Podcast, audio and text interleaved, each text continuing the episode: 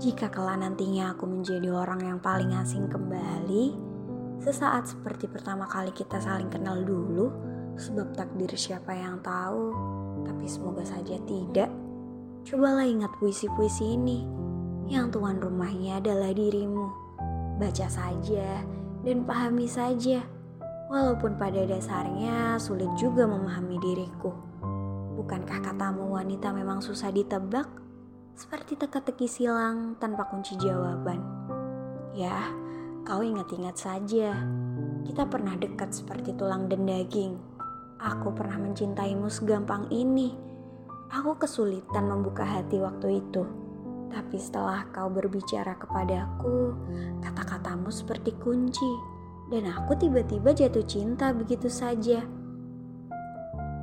Aku jadi lebih sering senyum-senyum sendiri Sesekali juga aku jadi kelihatan murung, sebab ya begitulah cara kerja cinta.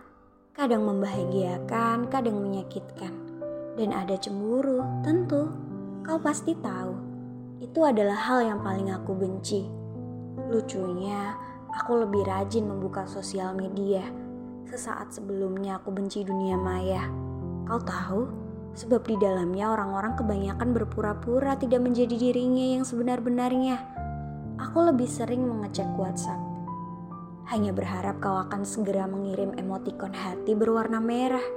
Membuka Instagram hanya untuk melihat dirimu berfoto dengan siapa. Membuka Facebook hanya untuk melihat kau mengupdate status apa atau sesekali membuka Twittermu hanya ingin melihat foto profil yang paling aku suka dari sekian banyaknya foto di handphoneku. Sesekali aku menulis puisi seperti ini yang entah sampai kepada hatimu, pikiranmu, atau hanya matamu. Aku tidak berharap banyak dan berekspektasi tinggi seperti ego manusia.